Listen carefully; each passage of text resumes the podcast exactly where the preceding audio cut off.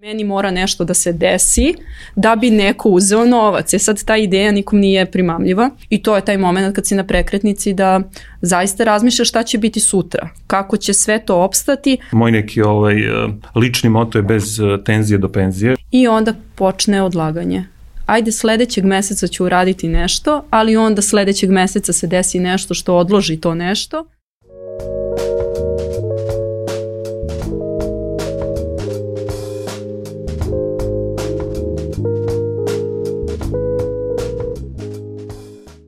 Moja prva TV reportaža bila je o žurci trećeg doba. Imala sam tada 19 godina i veseli ljudi koje sam tamo upoznala postali su mi referentna vrednost za penziju.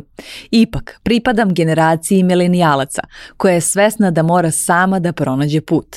Zato sam u 2022. kako kroz Fusnota podcast, tako i privatno, intenzivno preispitivala šta znači sigurnost i razmišljanje o budućnosti u VUKA svetu. I imam osjećaj da sam tek zagrebala ovu temu.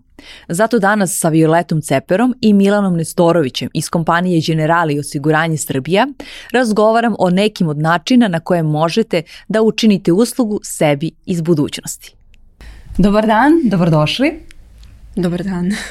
Pričali smo dosta u proteklih 50 epizoda uh, Fusnota podcasta uh, o redefinisanju šta je to sigurnost i kako mi to promišljamo u budućnosti, pa bih volila prvo od vas dvoje da čujem kako vi kao osobe uh, budućnost definišete i kako to definišete sigurnost. Šta je za vas sigurnost na prvom mestu?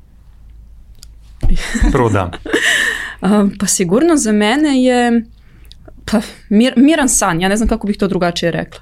Da odeš ovaj u krevet miran, da ustaneš miran, da znaš da imaš obezbeđeno neku egzistenciju, da možeš svoje deci da pružiš zdravlje, obrazovanje, da mogu sebi da pružim zdravlje, pošto ajde obrazovanje sam već završila. Već ti pružila. Da, pružila, završila. Sigurnost radnog mesta i na kraju krajeva sve to skupo zapravo predstavlja tu neku materijalnu egzistenciju koja je trenutno meni jako bitna da bi se ja osjećala sigurno. Eto. Mislim da je to i svim uh, drugim ljudima mogo ajde godišta u Srbiji trenutno. Hm?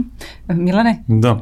Pa ja bih rekao da je za mene sigurnost sama svest i spoznaja da živimo u jednom izuzetno nesigurnom vremenu i da je, i da je jedino ta nesigurnost zapravo konstanta, tako da ovaj, ta spoznaja mi zapravo daje neki osjećaj sigurnosti i neku, da kažem, spremnost da se suočim sa svim izazovima koje nas neminovno čekaju ovaj, u našim životima i u krajnjoj liniji za sve ostalo tu su polisa osiguranja.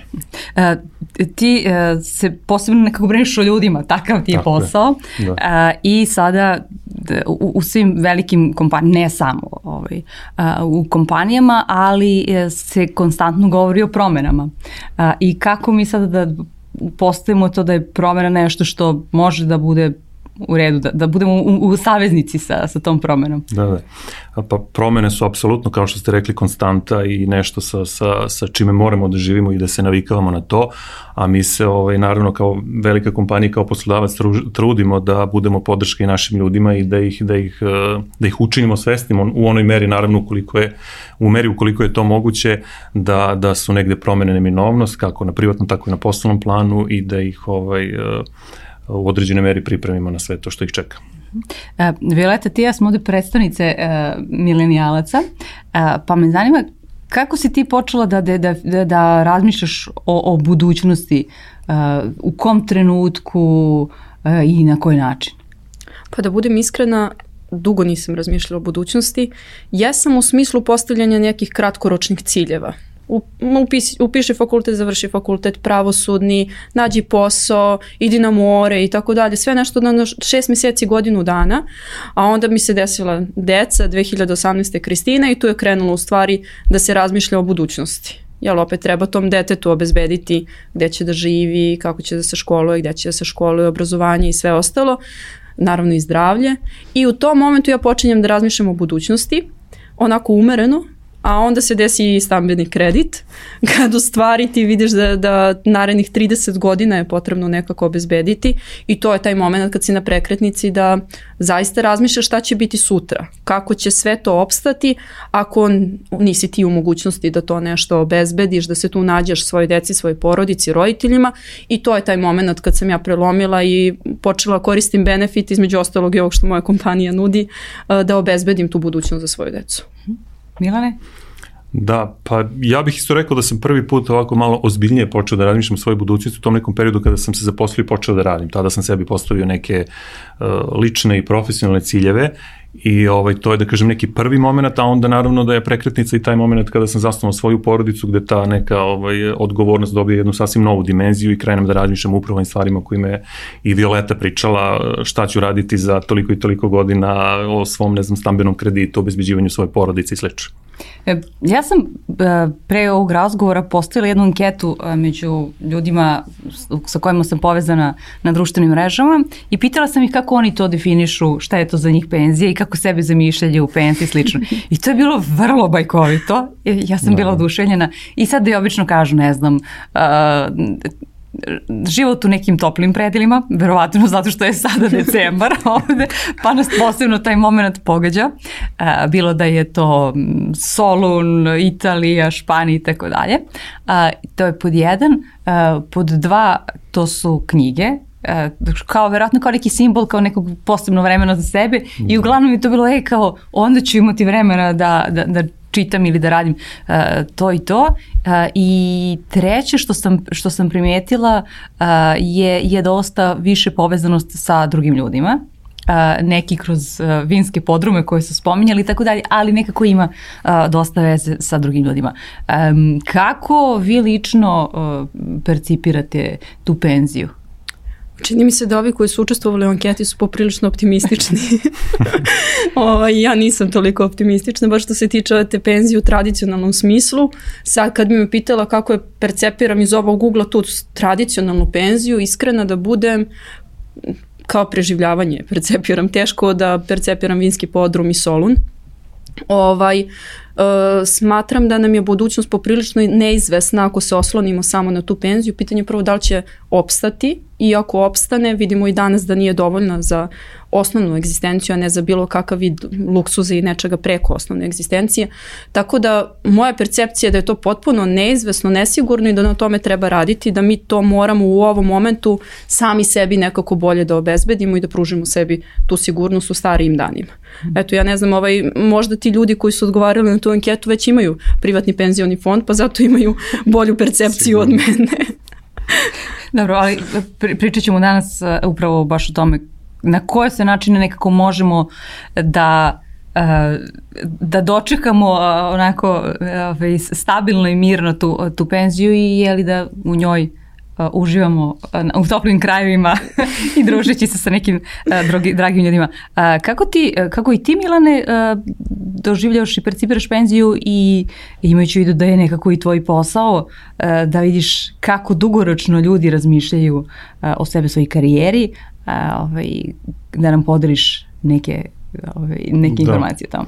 Da, da, da. Pa ja ovaj, da razmišljam o penziji, ako naravno imam dosta još godina do, do momenta odlaska u penziju, ali tekako razmišljam i ovaj, pravim neke planove, nisam došao do tih detalja u smislu neke neke destinacije, egzotični, nekih toplih krajeva, ali svakako da o tome ovaj, razmišljam. I moj, ne, moj neki ovaj, e, lični moto je bez e, tenzije do penzije, što u mojoj interpretaciji ima sledeće značenje. da bome, što ima ovaj sledeće značenje da moramo na vreme da krenemo ovaj, da razmišljamo, jer onda zaista možemo bez nekog pretrednog opterećenja i pritiska da zaista tu penziju dočekamo ovaj, zdravi, vitalni i sa nekim potencijalom za, za normalan život nakon odlaska u penziju i ovaj, e, dodatno kao, kao deo HR funkcije naše kompanije se i tekako bavimo ovom temom i podržavamo naše zaposlene i podstičemo tu njihovu svest da razmišljaju ovaj, o tome i kreiramo odgovarajuće naravno pakete benefita i podršku za upravo taj neki period koji nas čeka za nekih 20, 30 ili koliko već godina. Da. E sad, upravo uh, kada kažemo da, taj moment penzije doživljamo baš nekako tog dana ja prestajem, koje god to godine bilo, ja sam nekako izračunala ako, ako bi sad postalo, ako bi ovakva penzija funkcija, naravno da ovaj, kao milenijalac znam da neće, svesna sam toga, ali ovaj, pod uslovom da recimo sada kada govorimo o starostnoj dobi, ja ću biti u penziji 2050. godine. Okvirno, da, tako je. Mhm. -huh. ovaj, ali obično razmišljamo kao, aha, to je neki dan kada ću ja prestati da radim uh, i kada ću imati svo vreme ovog sveta da radim šta god. Uh, a poslednjih godina sam dosta recimo promenila svoju percepciju penzije, a to je možda nekako više ka tome usporavanje nekog ritma. I sada a, ljudi koji su u punoj radnoj snazi nekada ne zavisi, nekada ne zavisi samo od njih taj moment, ono kao da li ću da, da, da stvorim uslove da se da kažemo uspori a, neki ritam i obično je velika tenzija naš protivnik ka tome. Yes. Tako da me je vrlo značajan taj moment kako generali osiguranje Srbija kao a, dobitnik više nagrada a, a, za, za poslodavca a, ne samo 2022. A, šta radi on po pitanju na prvom mestu očuvanja mentalnog zdravlja za svoje zaposlene? Da. Da, to je jedna izuzetno važna tema. Evo, pomenuli ste sad jednu od nagrada koju smo osvojili, koja je ovako najsvežija, da tako kažem, to je bilo prošle nedelje ovaj, smo od strane Srpske asocijacije menadžera prepoznati kao poslodavac godine za 2022. godinu i to je jedno vrlo značajno i prestižno priznanje za sve nas, ali ono što je još e, važnije zapravo kruna višegodišnjeg rada i napora koje su uh, moje kolege uložile u to da, da našu kompaniju napravimo jednim pravim i zdravim mestom za, za rad. U tom smislu mislim da na temu tog mentalnog zdravlja i, i ovaj, očuvanja neke vitalnosti do penzije koja, koja nas čeka za nekoliko decenija, znači mislim da je to jedna izuzetno važna tema i da danas kompanije tekako mogu ovaj, dosta toga da, da, da urade na tom planu i da pomognu svojim zaposlenima. Mi se, kao što rekao, godinama unazad ozbiljno bavimo ovom temom i imali smo niz e, projekata i aktivnosti koji su usmereni upravo na, na tu oblast.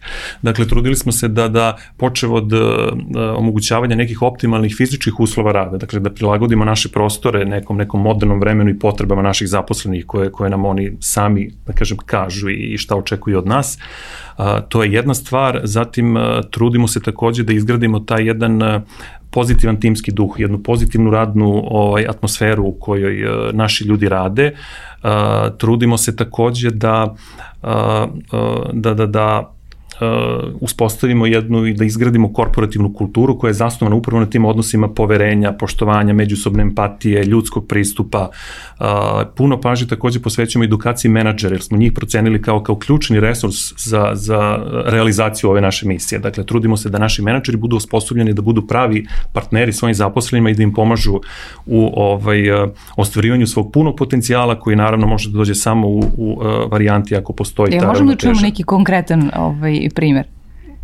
Uh, kako, to, kako to izgleda u praksi? Bilo uh, osnaživanje menadžera uh, da, da, da što bolje uh, svoje zaposlene, odnosno svoje kolege e, ovaj, osnaže i, i dalje da. i da, da ne kažem da upravljaju njima, ali ne Jest, pomogu. Pa dobro, suštinski ne pomogu da, pa suština je u dobrim i kvalitetnim treninzima. Mi smo na tome jako puno radili i u okviru Generali Akademije, znači posebne, posebne ovaj, organizacione celine u okviru naše kompanije, a imali smo takođe i, i ogromnu podršku od strane naše matiče kompanije Generali grupe, koja je ovaj, e, prepoznala potrebu, pogotovo i posljednjih nekoliko godina koji su došli nakon pandemije, kada se ovaj, kad su krenuli ovi hibridni načini rada, otuđenost E, ljudi i slično, oni su prepoznali taj moment i podržali nas u kreiranju ovaj, adekvatnih obuka gde su mi gađali bukvalno te e, suštinske, krucijalne teme koje su pomagale menadžerima kako da vode svoje timove koje? u uslovima Koje teme? E, teme, da, da, teme vezane za uh, način vođenja tima u, ne znam, hibridnom radnom okruženju, kako motivisati ljude ovaj, da rade normalno u uslovima otuđenosti, odnosno odvojenosti od, od kancelarije, kako da ovaj, održi taj timski, timski duh i neko neko zajedništvo koje je ovaj, krasilo naš tim. I ovaj, uh, i, uh, Šta je za njih bio onako uh, posebno aha, posebno aha moment, uh, jer zavisnosti od toga koliko, koliko se bavimo ličnim razvojem, mi više ili manje možemo da prepoznamo čak i intuitivno šta bi to trebalo u nekom, u nekom trenutku da, da uradimo, ali šta je to posebno što, što je e, dovelo do promene i, i do unapređenja vođenja timova u hibridnom, u, u hibridnom načinu rada kod vaših kolega? Uh, Jel možeš nešto da, da izdvojiš? Pa upravo, upravo ti, ti, taj neki ljudski pristup i empatija koju smo, koju da kažem toliko negde negujemo i forsiramo u odnosima među, ovaj, među našim ljudima. I s druge strane, nama je značajna negde, negde smernica u svi tim uh, akcijama koje sprovodimo, jeste anketa o angažovanju koju sprovodimo svake dve godine, tako da mi, da tako kažem, uh, ne lutamo puno u smislu uh, kreiranja nekih akcija i programa, jer uh, anketiramo naše ljude i oni su zaista uvek krajnje otvoreni da, da podele sa nama, da nam ukažu na neke stvari kojima nisu zadovoljni i da im kažu kojim to segmentima ovaj, im je potrebna podrška. Mi smo i bukvalno iz tih anketa, iz toga što su oni rekli, kreirali mnoge benefite vezano upravo za ovaj, ne znam, hibridni način rada, za neku maksimalnu fleksibilnost koju obezbeđujemo našim ljudima, gde smo im podrška u ostvarivanju njihovih kako profesionalnih, tako i ovaj, privatnih ciljeva i obaveza. Spomenuli smo taj hibridni način rada, fleksibilno radno vreme i tako dalje. Sve više je takvih uh, poslednje tri godine, uh, sve više takvih primjera koji su nastavljeni pre onog prvog talasa uh, pandemije da praktikuju to, ali kao pojedinci nije se lako snaći u tome. Nije lako postaviti neke svoje lične granice kada imaš slobodu. Yes. Šta je to što je vaša dobra praksa? Da kada je, kada je hibridni način rada u pitanju, to je model u kome mi živimo i radimo već nekoliko godina.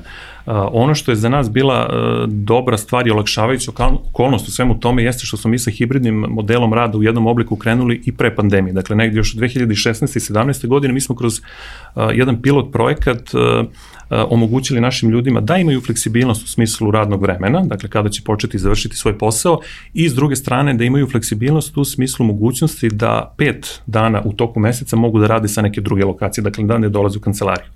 I naravno da je to u početku sa sobom nosilo određene izazove i kod e, ljudi, ali rekao bih možda više kod menadžera koji su se u tom trenutku malo osetili nesigurnim i, i, i bili ovaj, skeptični po pitanju toga da će uh, poslovi i procesi moći normalno da se odvijaju u tim uslovima kada mi zaposleni nije na oku, kada ne vidimo ovaj, šta radi, koliko brzo radi.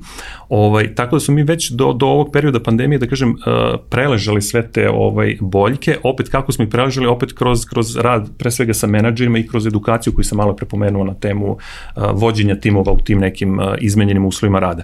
Tako da posle uh, dolazak pandemije i izmena u tom nekom hibridnom modelu rada je opet bila samo jedna nadogradnja, ali hoću da kažem da su mi u tom periodu preležali sve te boljke i mogu da kažem da danas i ti menadžeri koji su imali određeni problema i izazova i obraćali su nam se naravno ovaj, nama kao HR funkciji za pomoć, su sve te probleme i izazove ovaj, prevazišli i danas mogu slobodno da kažem da naša funkcioniša, da naša kompanija funkcioniše e, po principu te apsolutne fleksibilnosti, ali bez ikakvih negativnih uticaja na, na naše poslovne procese i rezultate.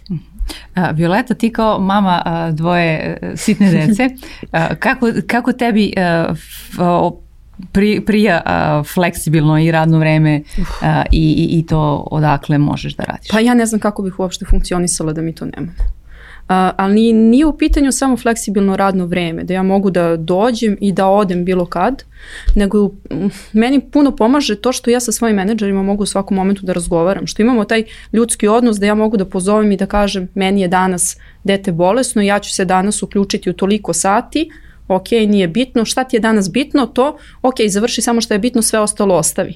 Pa možemo da razgovaramo i o preraspodeli posla, možemo da razgovaramo o prioritetima, ovaj, i postoji stvarno uzajamno poverenje i uzajamno razumevanje. E, meni je to recimo mnogo bitno.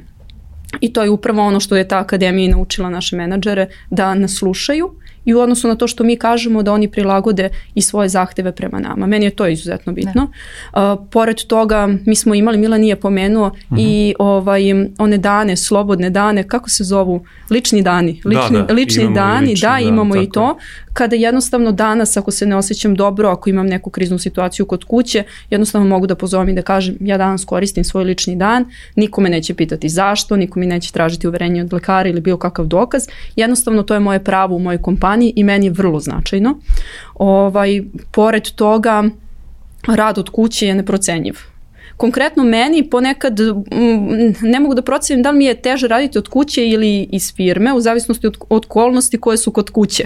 Kad su oba deteta tu, jedna beba plače, druga vrišti i tako dalje, ovaj, lakše mi je da budem u kancelariji, ali ponovo kad imaju temperaturu, kada je krizno, onda ostaneš kod kuće pa se snađeš u svo razumevanje koje pružuju menadžeri, bude mi okej. Okay. Ne znam kako bi funkcionisala bez toga. Što je nekako mnogo bolja opcija kao je, danas mogu da se uključim sat ili dva i uradit ću samo ono što je hitno, nego da u situaciji kada je jedno ili oba uh, deteta bolesno da moraš da uzmeš uh, bolovanje i tako dalje, onda se i ti nekako osjećaš verovatno malo, bez obzira što tada jesi mama, ali opet s druge strane kao moja karijera baš mnogo trpi. E, sam taj proces da. uzimanja bolovanja, mm. mislim da se ne lažemo, Srbija je da. izuzetno komplikovan. Ti moraš da odeš pet puta kod lekara da bi uzeo da. papir i nakon toga kad se završi sve ponovo još pet puta kod lekara, tako da to je prekomplikovano za naše okolnosti i za našu brzinu života i ovo što mi imamo meni zaista znači. Pritom ja mogu da se uključim uh, tri sata u toku dana, da završim to što mi je bitno za taj dnevni deo mm. radnog vremena, pa ako imam vremena, mogućnosti, uključit ću se uveče još dva sata kad deca legnu. U svakom slučaju, moj posao neće trpeti zbog ovog. I moj menadžer zna da moj posao neće trpiti, trpeti i zato i mi imamo tako dobar odnos i tako dobro funkcioniš. Imamo i dobre rezultate, zaista. Mislim da uh, se ne može primetiti u našem radu da mi radimo u ovom fleksibilnom načinu uh, rada, zato što su nam rezultati podjednaki kao kad smo bili u kancelariji, a možda i bolje zato što su ljudi zadovoljni. Da, jer čini mi se da onda, sada ti ćeš mi reći mm -hmm. i za neke, ove ovde, Violeta ispričala neko svoje lično iskustvo, posebno je to uh, za žene koje su majke yes. ovaj, i baš bitno, jer uh, sve se glasnije priča o tome i drago mi je zbog toga, žao mi je zato što se o tome, e, zato što o tome pričam, tako je, zato što da. uopšte je uh, to tema, odnosno zato što nije drugačije, ali opet da, ovaj, ako tak, takav problem postoji, onda o njemu uh, i ti kako treba da se priča, dolazi se u problem sa time da, da žene e, kaskaju svoj karijeri u, u, u, ovaj, u momentu kada se ostvare kao majke i tako dalje, tako da je ovo nekako čini mi se dobro rešenje da se to premosti u slučaju da, da ta žena ima potrebu i želju da svoju karijeru održi na istom nivou, odnosno da je napredi. Jeste, jeste. Ovaj, suština, evo, nadovezao bih se samo na ovo što je Violeta rekla, zaista je suština u tom nekom poverenju koje mi dajemo našim ljudima i, koji, i koje nam oni tekako ovaj uzvraćaju. Dakle, posao apsolutno ne trpi, a imaju ljudi puno fleksibilnosti, to mnogo znači i, i ljudi to cene. Upravo to kad smo ovaj, pomenuli problem izazove koje, na primjer, majke imaju, ovaj, mi smo pored ove fleksibilnosti koje je Violeta pomenula, napravili poseban program za sve naše koleginice koji imaju mogućnost da se nakon povratka sa uh, porodiljskog odsustva, dakle da prvih mesec dana dana, što je jedan i tekako stresan period za njih u smislu ostavljanja dece u vrtiću i tome slično, ovaj, e, mogu da rade prvih mesec dana skraćeno radno vreme, dakle da rade samo pola radnog vremena kako bi imale dobar deo dana za svoju decu, naravno uz, uz punu platu. Ovaj, I pored toga, opet ako pričamo o tim nekim e, životnim situacijama i okolnostima koje su svakome od nas manje ili više stresne, takođe imamo i odgovarajući benefit baš za te momente za polazak deca u školu, za polazak deca u vrtić, da svim našim roditeljima i mamama i tatama ovaj, e, obezbeđujemo slobodan dan za polazak, dete u, za polazak dece u vrtić ili u školu i plus naredno četiri dana, to praktično onda dobijete vrlo jednu fleksibilnu cernu nedelju, četiri dana u kojima mogu da rade ili od kuće ili da rade pola radnog vremena, kako bi imali ovaj, više vremena da se posvete sebi i svojoj porodici. Takođe, novopečene tate, kako ih zovemo u našoj kompaniji, imaju isto ovaj, jedan vrlo, vrlo značajan i prepoznat benefit koji se ogleda u tome da pored 5 dana uh, kojim po zakonu pripadaju za, za rođenje deteta imaju dodatih 5 dana, tako da mogu 10 dana nakon dolaska bebe ovaj, kući da provedu sa svojom, sa svojom novom porodicom. E sad, e, ako pričamo baš o tom balansu privatnog i, i poslovnog života, uh, nekada možemo da upadnemo u zamku da se zapravo nikada radni dan ne prestaje da on stop i tu treba takođe kao što je kao što je ovaj kao dan nekad se uključim se dva sata sada pa tako dalje da. Ali i tu treba istovremeno da napravimo a, neki neku, neku mentalnu distancu a yes. prosto, kako na taj način pomažete svojim zaposlenima to, jer da bez obzira što vam znači yes. istovremeno oni jeste, ne jeste, treba da upadnu ni u kakav ono burnout ili slično tako je to jeste veliki rizik i mi smo imali ovaj e, primjer u našoj kompaniji gde su nam ljudi dolazili sa komentarima da, da kao ovo je zaista dobro i fino, ali ja imam osjećaj da radim 24 sata, da se, da se meni posao nikada ne završava. Znači ja uspem kao da završim te svoje privatne obaveze, ali nekako poslu, poslu ovaj nema kraja. To jeste ozbiljna tema, ozbiljno pitanje. A, mi smo se i time pozabavili, u prilog tome smo, evo, pre nekoliko meseci smo pokrenuli a, jedan projekat koji smo nazvali simboličnog Genergija, što je skraćenica od Generali Energije, to je a, projekat koji smo bukvalno lansirali sa ciljem da ljudima pomognemo da očuvaju svoje mentalno zdravlje i taj neki work-life balance u ovim uslovima a, rada. Uh, taj projekat uh, se realizuje u dva oblika. Jedan je uh, Genergija dan, jedan je Genergija sat. Genergija dan je jedan dan u toku meseca kada mi pozovemo naše kolege znači na dobrovoljnoj bazi, prijavljuju se kolege iz čitave Srbije i okupimo jednu ekipu od 30 ljudi. To mogu biti i neki manji timovi ili ljudi koji se uopšte ne poznaju i okupimo ih na jednoj nestandardnoj, da tako kažem, atraktivnoj lokaciji. Dakle, ne okupimo se u našim kancelarijama, nego na nekom mestu blizu, neki splav pored reke, blizu šume, u nekom prirodnom okruženju, gde oni imaju sve uslove e, koje ima, koji su im potrebni za, za neki kancelarijski rad, ali imaju dodatnu i tu mogućnost da upoznaju nove ljude, da, da razmene neka iskustva sa njima, ali poseban fokus, taj jedan radni dan koji, koji traje ovaj 8 sati je prošaran e, radionicama e, na koje mi pozivamo relevantne sagovornike profesionalce upravo iz oblasti mentalnog zdravlja i well-beinga. I onda je taj dan posvećen između ostalog i tim zdravim navikama, kako se, kako se iščupati iz te neke situacije, tog nekog vrtloga i osjećaja da, da, da non stop radimo, kako naučiti sebe da se, da se naprave kvalitetne pauze, da se zdravo hranimo, da, da, ovaj, da vežbamo. Imali smo takođe i goste koji su ovaj, radili jogu sa našim zaposlenima, maser i tako dalje. Znači, trudimo se da kroz, kroz taj program ljudima pokažemo i damo neke smernice kako mogu da uobliče taj svoj radni dan van kancelarije, a da, da ne dođu u situaciju da pregori ili da imaju osjećaj da, da ovaj dan nema kraja, ja radim ceo dan. I, I drugi, da kažem, oblik ovaj, u okviru ovog projekta jeste Genergija sad, koncept je sličan, uh, razlika je samo u tome što se organizuje u jednom kraćem formatu i u pitanju su webinari, gde takođe angažujemo relevantne sagovornike iz oblasti well-beinga i mentalnog zdravlja, koji ljudima dele neke, neke korisne i aktualne savete kako bi prevazišli sve izazove sa kojima se slučavaju. Da ti pitam nešto ovako kao čoveka. ne, ne, dakle, više, više od zaposlenog. Da. Um, moj je utisak da, i nije samo moj, uh, da uh, velike radne organizacije nekako uh, preuzimaju a stratešku ulogu uh, u životima uh, ljudi, ne kao samo taj uh, radni vek, ok, da, mi provodimo dosta vremena na poslu i radeći 8 sati i tako dalje okvirno, što je trike trećina dana pa plus, plus još neke pripreme da. a, i slično što, i to nije malo ako uzmemo ono 30-40 godina da. i ostalo. E, koliko ti kao osoba sada govoreći o, o svim osmišljavanju svih nekih dodatnih aktivnosti i razmišljajući mnogo šire od tog a, posla, koliko ti kao osoba imaš onako neku dodatnu odgovornost a, prema, prema svemu tome kao aha, kao ja sad to, to nije moje samo kako će da, kako će da se organizuje neki posao i tako dalje vrlo usko, nego mnogo, mnogo šire. Se razmišljao? Od, odgovornost u smislu ka, ka zaposlenima u našoj kompaniji? Ili? Da, od, odgovornost da. Ove, ove, u bilo kojoj da si, da si radnoj organizaciji ili naprosto ovaj, u da. smislu prirode mog mhm. posla da, i tema da, koje se bavim. Da. da. Pa naravno da je naravno da, da, da je tu negde velika odgovornost. Ono što je olakšavajuća okolnost jeste što, što naravno nisam sam u, to, sam u tome. Mi imamo vrlo, vrlo veliki i ozbiljan HR tim koji se na dnevnom nivou bavi uh, između ostalog i svim ovim temama koje sad ovaj, prolazimo. Tako da ovaj, spremno se sa tim, da kažem, suočavamo, pratimo trendovi i trudimo se da našim ljudima ovaj, na, na svaki mogući način pomognemo i da, da, da im tu neizvesnu budućnost učinimo, učinimo manje, manje neizvesnom. Hvala ti. Uh, Violeta, uh, kada govorimo o, o tome ti si mlada, mlada ženska osoba ovaj, i e, tvoja karijera je u usponu i tako dalje, tvoj porodični život e, je u uzlaznoj a, putanji a, i uglavnom onda a, nemamo vremena za neke stvari a, i e, postavljamo prioritete tako da kažemo aha kao samo mora da se uradi e, ili da se izdvoji novac za ovo što je hitno i za, što, za ovo što je bitno, ovaj, manje možda ovo što je bitno na prvom mestu, Više za hitno, a, ovo, da. ovo što je hitno. A, I gde tu mladi ljudi zapravo milenijalci, ajde u ovom trenutku govorimo a, o milenijalcima, a, gde tu im sklizne taj moment razmišljanja a, o, o budućnosti, odnosno kako ćemo pa između ostalog i svoja finansijska sredstva da lociramo gde treba da odu?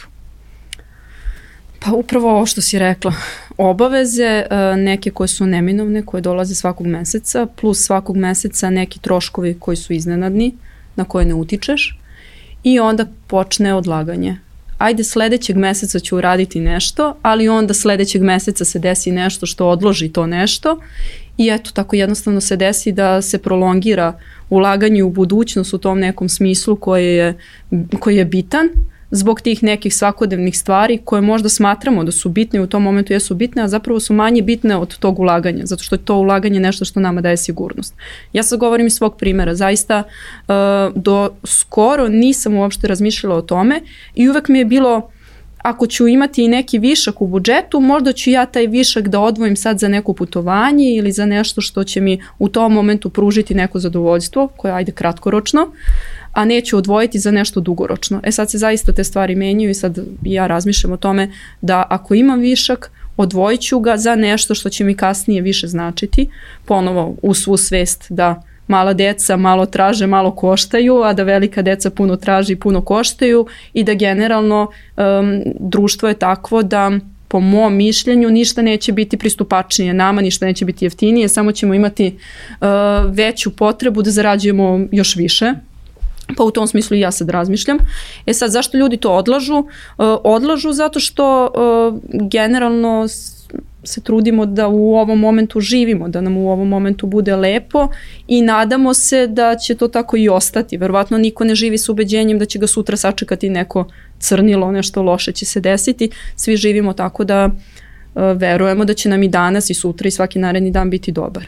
I zato odlažemo ali opet i kroz ovaj posao ja opet radim u pravnoj direkciji, radim i sa prigovorima i zaista mnoge ljudske priče sam čula i na sudovima i ovako u mirnim postupcima.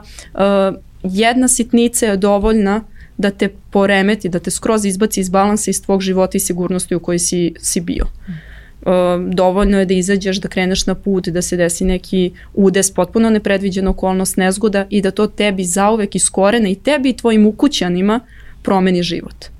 E, iz tog razloga je potrebno već ovaj, u određenim godinama, čak mislim i u mlađim godinama nego ovim u kojima sam ja sad, da, da se razmišlja malo u budućnosti, da se u tom smislu ulaže, da predupredimo te neke situacije koje, daj Bože, da se ne dese, ali je izvesno i realno da, da se dešavaju. Znači nije nešto što možemo da izbegnemo u potpunosti.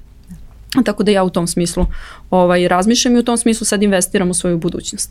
A samo sam htjela da dopunim Milana malo pre što je rekao, uh, taj uh, rad od kuće i ti si pomenula karijeru i žene koje su karijeriste, a pritom žele da imaju porodicu, pošto sebe smatram takvom. Meni ovaj rad od kuće omogućio da ja bukvalno do uh, devetog meseca trudnoće radim. Ja sam, mislim, mi smo tad bili u onom režimu COVID, kad je bio rad od mhm. kuće u potpunosti, ljudi iz firme nisu znali da sam ja trudna, zašto se na kameri vidi samo glava. Ovaj, tako da je svima bilo čudno kako, kad sam ja u jednom momentu nestala, ono kad je moralo po zakonu 28 dana pre porođaja i kad sam se posle toga vratila posle 11 meseci, kao je šta je bilo, gde si kao dobila dete?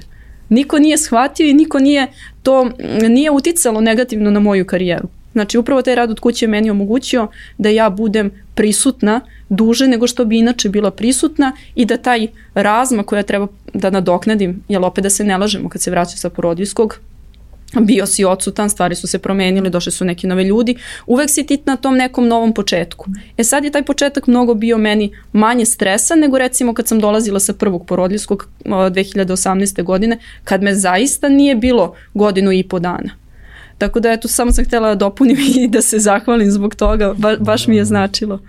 E sad, e, e, kad smo se razgovarali e, o, o tome koliko zapravo ljudi investira u svoju budućnost, rekao si mi da je u generaliju kada su milenijalci u pitanju, a ima ih 40%, je li tako?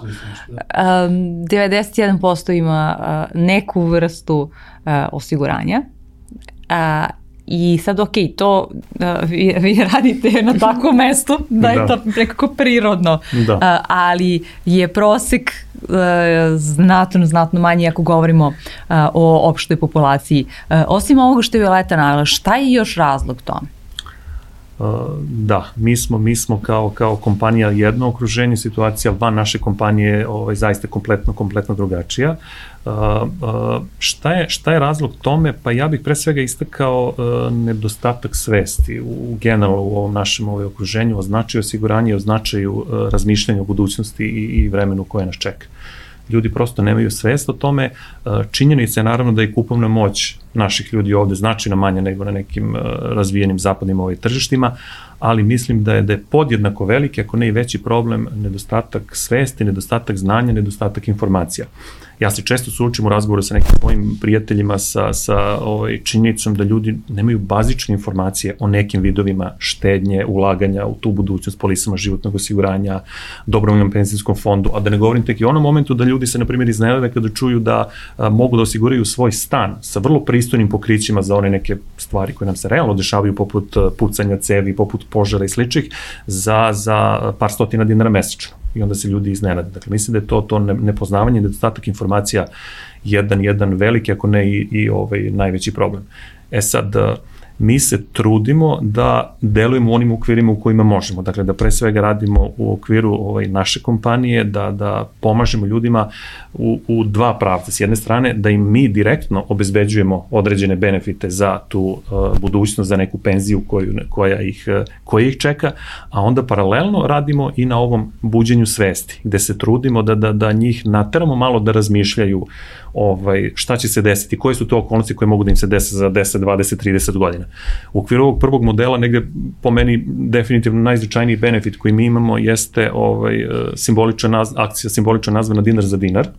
To je program kome smo mi omogućili da svim našim kolegama koji se opredele za članstvo u generali privatnom penzijskom fondu i reše da određeni novčani iznos svakog meseca ovaj, tamo ostave, da ih mi kao kompanija zapratimo sa istim tim iznosom. I onda je to vrlo značajna stvar ako pođemo to da, od toga da jedan mlad čovek, na primjer, reši da 50 eura od svoje plate svakog meseca izdvoji u penzijski fond, generali mu daje još 50 eura, on je znači svakog meseca na svom računu akumulirao tih, tih 100 eura. Pa onda možete zamisliti na godišnjem nivou koliko je to novca i onda naravno ako taj čovek ima svest na kojoj mi aktivno ovaj, sada radimo, da krene da to radi sa svojih 25, 6 ili 30 godina, on zaista neće morati da, ovaj, da se brine kada, oti, kada ode u penziju sa 65 ili 70 godina kakva će mu biti budućnost. Biće mnogo, mnogo lakša i, i ovaj, izvesnija. I kažem, to je dakle jedan, jedan model kroz taj, da kažem, konkretan konkretan benefit. Dalje, trudimo se takođe da uh, pomognemo našim kolegama tako što im dajemo uh, značajne popuste na naše proizvode koji upravo gađaju u ovu oblast. Primjer radi polise životnog osiguranja, koji su takođe jedan oblik štednje, sigurnosti i neke dugoročne investicije, naše kolege tu dobijaju popuste koji se kreću 20, 30 ili za određene proizvode i više procenata, tako da ih činimo jako, jako dostupnim i pristupačnim. To je da kaže jedan pravac, e, drugi pravac jeste konstantna e, edukacija. Mi smo ovaj, pre par godina pokrenuli projekat pod nazivom Buđenje svesti o osiguranju i uh, suština tog projekta je upravo bilo u tome da ljudima približimo naše proizvode, da im pokažemo da postoje odgovori na mnoga pitanja iz, iz ove teme, neizvestnosti, budućnosti i tome slično. Nije to bio nama imperativ da, ne znam, naši zaposleni kupe, kupe ovaj polisu, nego pre svega da postanu svesni svih izazova koji ih čekaju i onda naravno da je kao efekt toga da je značajno skočio broj ljudi koji imaju neku polisu, jer smo ljude suočili sa, sa onim bazičnim i jednostavnim pitanjima. E, da li si razmišljao, e, dobio si prošle godine dete, da li si razmišljao ovaj, gde će tvoje dete da, da studira za 18-19 godina, da li ćeš moći da mu obezbediš neko normalno školovanje, da li ćeš moći da mu pomogneš u otpočinjanju nekog posla ili, ili nečeg sličnog. E, da odgovorimo, zato si ti tu, da odgovorimo na ono pitanje što, što je verovatno prvo, pričali smo o slabijoj platižnoj moći 99% e, ljudi um, u Srbiji uh, i da nekako odgovorimo na to da, ti si, ti si spomenuo osiguranje e, doma, ali ono po čemu je generali poslednjih meseci postao ovaj, između ostalo prepo, ka čemu, prema čemu teži da, da postane prepoznatljiva svakako je e, nešto što je drugačije od svega što, što imamo priliku da vidimo e, na tržištu, to je e, dynamic life i koji odgovara nekako baš na to pitanje, aha, nemam mnogo novca koje mogu da ostavim sa strane, ali ipak želim da, da tako nešto uradim. Da, Dynamic Life je novi proizvod generali osiguranja koji je razvijen u saradnji sa startupom koji se zove Dynamic Life i to je fenomenalna ideja nigde u svetu do sada razvijena uh, i evo krenulo je kod nas u Srbiji i ajde sad ja onako kucam u drvo, kažem hvala Bogu, uh, krenuli smo super. Um, ideja je vrlo jednostavna, samo je ljudima potrebno da jednostavno prihvate da je Dynamic Life sastavni deo njihovog života, da može da bude ukoliko oni to žele. Um, ja ću se potruditi preko primera da objasnim šta je Dynamic. Dakle, Dynamic je polisa osiguranja života u svojoj suštini, ali ona zapravo i ono što je bitnije štedna polisa. E sad još što je dodatno bitno jeste što ona ne traje dugo. Ljudi ne vole kod životnog osiguranja činjenicu da je ono životno i kad kažeš životno osiguranje, svi imaju svesti, meni mora nešto da se desi da bi neko uzeo novac. E sad ta ideja nikom nije primamljiva uh, i uvek zaborave tu uh, taj element tog osiguranja koje je štednje. Dakle, ovo je i štedno i riziko osiguranje. E sad, um, ta štednja znači da ako ja koristim moju Dynamic Life Police, malo kasnije ću objasniti kako, kad protekne određeni niz godina, mogu da podignem to što sam uštedila. Taj niz godina može da bude 15 godina, to je period trajanja ugovora o osiguranju, ali može da bude i mnogo kraći. Dakle, već posle treće godine ljudi ukoliko jednostavno ne žele da koriste dinamik, mogu da podignu svoj novac i ne znam za taj novac da, da urade šta im je već bio plan. Ovaj, a kako se koristi? Uh, potrebno je zaključiti naravno ugovor o osiguranju, to je preduslov. Uh, ugovor se zaključuje u našim poslovnicama, u Univer Exportu koji je naš veliki partner i uh, nakon toga se samo instalira jedna aplikacija koja se isto zove Dynamic Life i počinje štednja. Mi to zovemo počinje štednja, čak i ne kažem počinje osiguranje, zato što zaista koncept stavljamo na delu koji se tiče štednje, a osiguranje je tu pride onako da ti pruži sigurnost za ne daj Bože.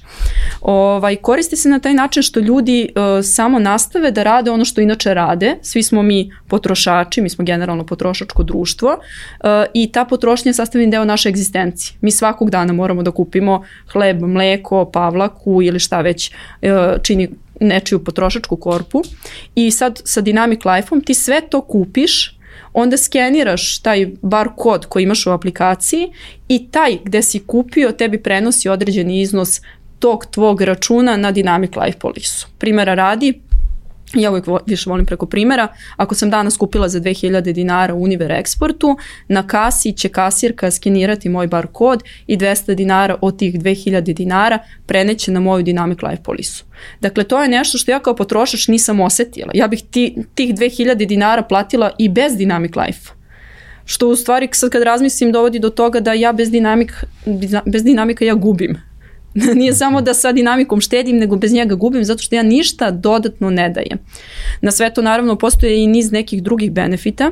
Pomenula sam Univer Export kao glavnog partnera koji daje taj benefit od 10% na visinu računa, ali mi imamo i neke druge partnere koji pružaju uh, dodatne benefite. Recimo, uh, Nutellu ću pomenuti zato što Nutellu svi vole.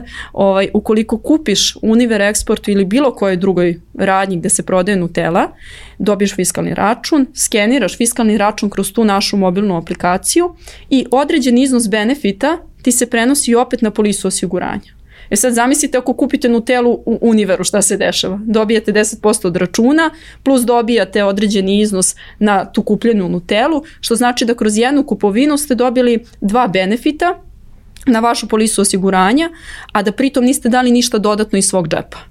E pa to je taj dinamik koji omogućava da kroz svakodnevnu kupovinu bez menjanja naših životnih aktivnosti i bez ikakvog negativnog uticaja na naš budžet obezbedimo neku sigurnost.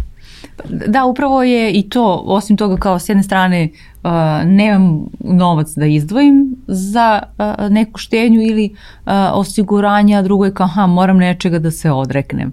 E pa ne mora, sa dinamikom da, baš ne da. moraš ničega da se odrekneš. Um, Pot... I, I samo nekako da stavimo ovde napomenu, pošto sam ja e, informišući se i gledala ko su sve trenutni a, partneri u, u, u dinamiku, a, ostavit ću link svakako uh. -huh. a, u opisu ove epizode, a, ali ne odnosi se samo na, na markete, već, već ima i u drugim industrijama takođe. Ovaj, tako je, tako je. Mi se trudimo da dinamik pruža benefite kroz svaku sferu ljudske potrošnje, ajde da kažem najjednostavnije. Šta su naše primarni ciljevi? Jeste gorivo, pošto je to nešto što se najviše troši pored hrane, znači gorivo, hrana i naravno uh, trudimo se da obezbedimo i sad tu neke usluge tipa malo da idemo na ono što je segment zadovoljstva, pa imamo i knjižaru Delphi koja će isto vrlo brzo postati naš partner uh, u procesu integracije uh, i uh, svi ti partneri kada se onako pogledaju u globalu, mi vidimo da je svaka sfera našeg života pokrivena. Imamo laboratorije, imamo pumpe, imamo knjižare, imamo malo prodaje, imamo zdravu hranu, imamo odeću, imamo sve ono gde možemo da trošimo. I gde i inače trošimo, samo što sad kad trošimo ne dobijamo ništa. E zato je dinamik, ja mislim zaista sva svakom ovaj, može biti dobra podrška u narednim, narednom periodu. Um, neki će reći osiguranje života. Um, čak sam pre neki dan čula super primjer, kao niko ne voli osiguranje života, zato što podrazumeva, podrazumeva da moraš da. da mora da ti se desi nešto loše. Ali Odnosno šta me briga šta će biti posle Šta me briga, nek misli da, taj što da, da, ostane. Ali um, neko mi je rekao skoro da je osiguranje života nezgodno zato što možeš da ga kupiš dok ti ne treba u onom momentu da. kad ti treba do njega ne možeš da dođeš. To je kao kad skačeš iz, ovaj, iz aviona, pa ti na pola negde zatreba padobran, ali padobran u tom momentu ne možeš da kupiš i onda je već kasno. Zato treba malo ranije krenuti ovaj sa razmišljanjem o tom konceptu životnog osiguranja i štednje. Dinamik je super zato što opet je taj period od 15 godina relativno kratak. Ja sam svesna da meni dinamik neće obezbediti starost u smislu duboke starosti, penzije i tako dalje, ali će me obezbediti da u momentu kad moja deca budu imala 16-17 godina, kad su oni već na prekretnici, da biraju školu, što je Milan rekao, da su im potrebna, možda im potreba, ne znam, u 18. godini želim da im kupim auto i tako dalje, meni će dinamik to obezbediti, a ja to neću osetiti kroz svoj budžet. Zato što i inače trošim. Mi smo potrošačko društvo, kao što sam rekla. Da.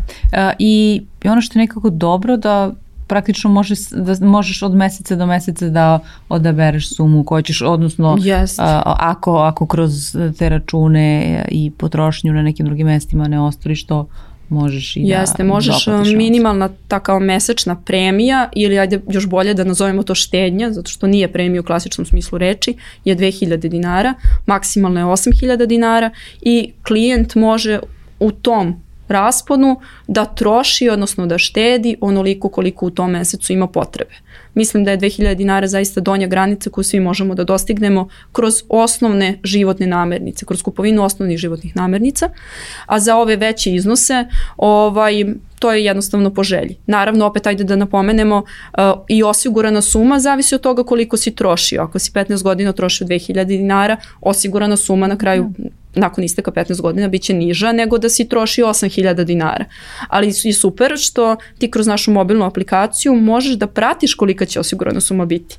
Pa tako možeš negde možda i da planiraš za 15 godina će meni trebati tipa 10.000 evra, ja to mogu da dobijem tako što ću sad u ovom momentu da imam potrošnju uh, 8.000 dinara, u stvari štednju 8.000 dinara na svoje premije osiguranja i onda ću za 10 godina, za 15 godina imati 10.000 evra koje će mi tad biti, ja verujem da će mi biti baš potrebne Ne. A i ako mi ne budu nužne, znam gde ću ih potrošiti. Da, tok, uh, poslednjih, uh, posebno poslednjih desete godina uh, je u svetu nekako popularan uh, i sve popularniji pokret koji se zove FIRE, a koji zapravo uh, upravo govori govori kao o ranoj penziji, ali rana penzija u stvari više uh, označava neku uh, ne toliko fina, finansijsku ne, ovaj, finansijsku stabilnost i ne toliko neizvesnost zapravo, tako da je, je dinamik i sad oni, oni ovaj, jedna od početnih e, stavki tu je kao ono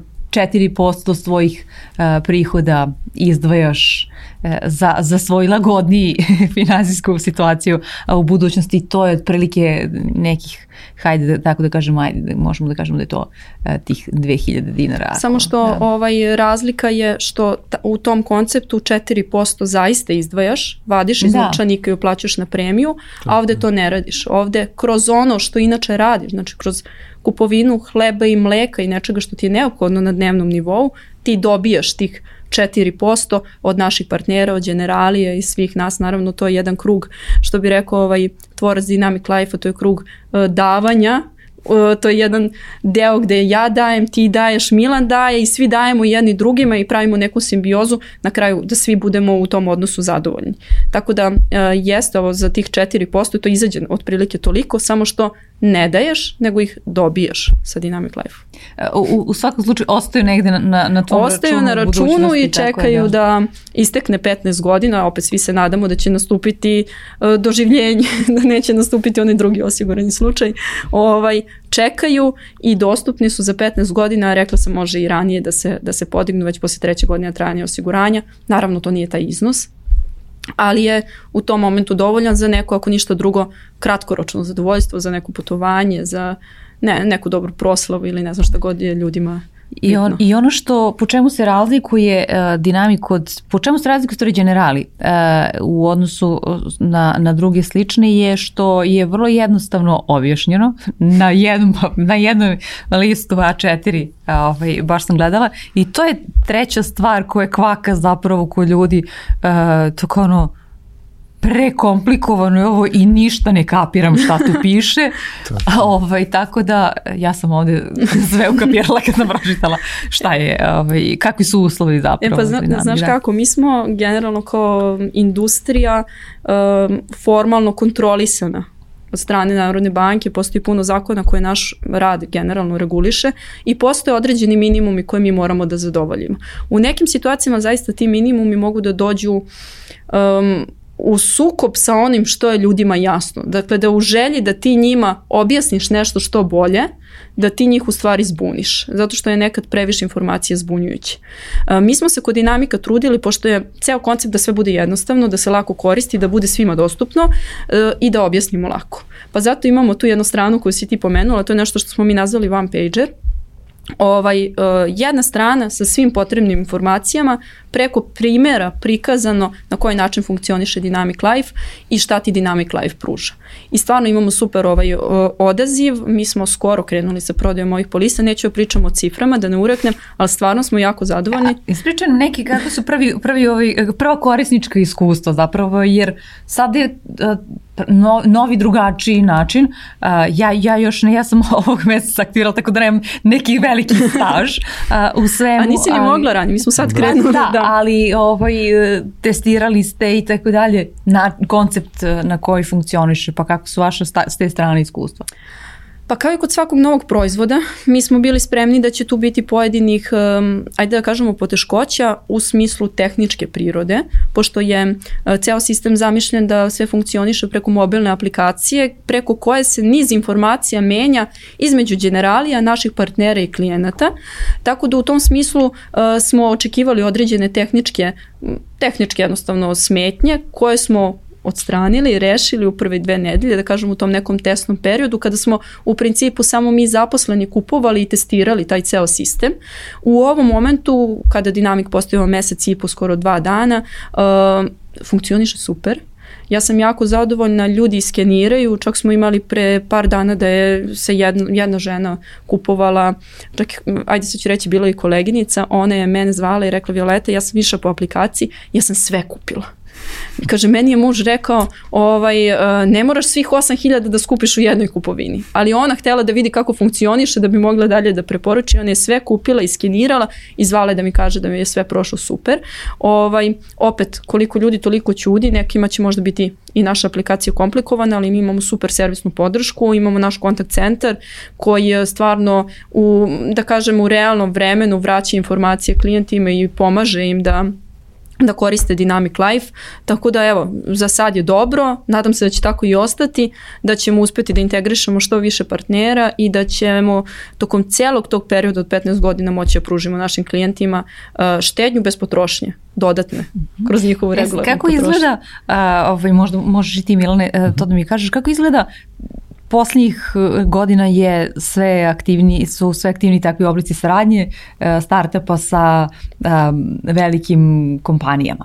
Uh, vrlo često tu dolazi do razmemiloženja, posebno uh, kada su u pitanju ili banke ili uh, osigu, osiguranja zbog tih procedura koje su upravo i odgovornosti prema zakonu najvećem mogućem, na najvišem mogućem nivou, a s druge strane startupi su neko ko želi brzo da reši neki problem i, i dosta brže idu i razvijaju se nego kada su u pitanju velike organizacije. Kako je to izgledalo ta vrsta saradnje? Ovaj, da, da, upravo se startupi su sve ono, sve ono što mi zapravo ovaj, nismo. Mi kao, kao industrija osiguranja i generalno ta oblast tvoje financije jako komplikovana Ovaj, pomenula si malo pri sama ove uslove koji su na, na milion strana, prosto regulativa je takva da mi moramo da, da imamo mnogo nekih detalja koji su ljudima često ovaj, nerazumljivi. Tako da ovaj, to je bio jedan klasičan ovaj sudar, startup, uh, energije, ideje i s druge strane nas negde kao, kao tradicionalne industrije. Uh, mislim da je Violeta, odnosno njen tim je mnogo više bio, da kažem, uključen u taj deo, taj deo priče i bio je neka, neka full podrška i uh, rekao bih da su, da su uspešno završili, da kažem, taj posao, ali jeste, jeste bilo dosta dosta izazova, dakle u, u tom ovaj, izgradnji modela u komunikaciji, znači s jedne strane kolega iz startupa koji su došli sa idejom i nas, tako da otprilike oni imaju jednu perspektivu, mi malo drugačiju, ali na kraju ovaj, sve je dobro ispalo. Da, ja imam utisak da smo mi bili ulozi kočnice da, dobar izraz, da.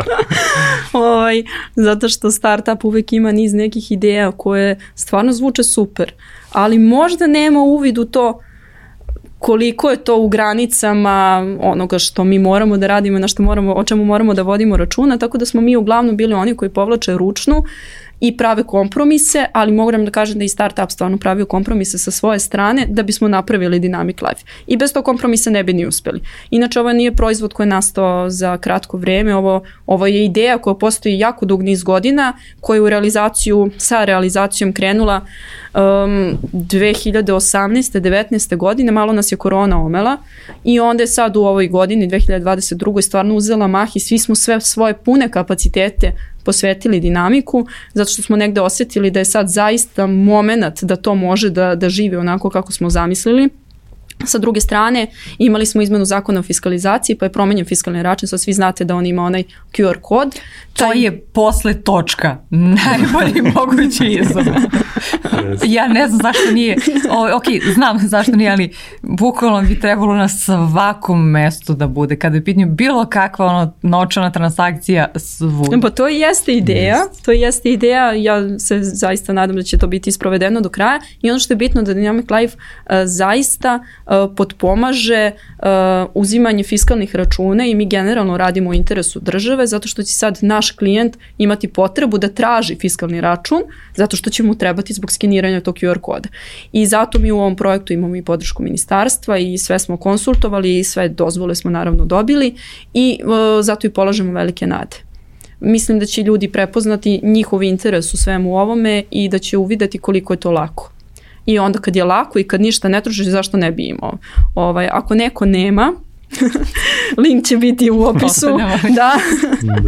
Javite se da ugovorite. Ovaj, dobro, taman su ovo poslednji dani uh, ove godine kada ljudi uglavnom, uh, više, rekla bih čak i previše troše, uh, tako da će imati ovi, svoje račune da, da skeniraju. Pa ja se nadam da, da će imati u, u svesti, da će, da će prvo -hmm. govoriti polise, onda da će imati u svesti koliko je to dobro za njih, da će skenirati račune, da će kupovati kod naših partnera i naše partnerske proizvode i da će onda jednog dana za 15 godina kad podignu novac reći je, bilo je super je bilo odluka. Godinu, da. da, to mi je bila ovaj, fenomenalna odluka, sad zbog toga mogu da omogućim sebi nešto što inače ne bi mogao. Uh -huh. uh, jedna moja gošća je rekla ja činim uslugu sebi iz budućnosti. Uh, tako da to mi se baš dopalo. Super, da, da. Ovaj, tako da uh, pozivamo ljude zapravo i da ostave u komentarima. Uh, uh, ja poklanjam, pošto ja mnogo više para zapravo trošim u tim knjižarama. ja, pa super. da, imaćemo... Ovaj, da, kandidat. Da, da. A, ovaj, elem, a, ovaj, poklanjam knjigu Kontrast izdavaštva, a to je Odiseja 2061, odnosno 2061, kad ćemo ti ja biti u penziji uživati na nekom 61, lepom mjeru. 61, samo da vidim da. da ću ja biti. Ja imam, kako, ka, pazi kako se pomera ova granica, plašim se. I ti, ja. i ti također. Ja ću biti u penziji, da. Tako je, neko divnoj ovaj, i penziji na mestu koje zamišljamo i u okruženju kako o, god nama o, odgovara. Elem, o, dakle, o, pozivam vas da ostavite u komentarima o, kako i sebi zapravo činite uslugu iz budućnosti, sebi iz budućnosti činite uslugu na koji to način radite. Violeta, Milane, hvala vam na ovom razgovoru i nekako moj utisak da smo ovu priču o tome na način na koji sebi pomažemo u budućnosti i, i kako da je načinimo malo a, sigurnijom tek zagrebali, ali hvala što ste podelili i ovako neka svoja a, i, i poslovna i, i lična iskustva. Hvala vam, bilo mi je zadovoljstvo. Hvala, hvala na pozivu.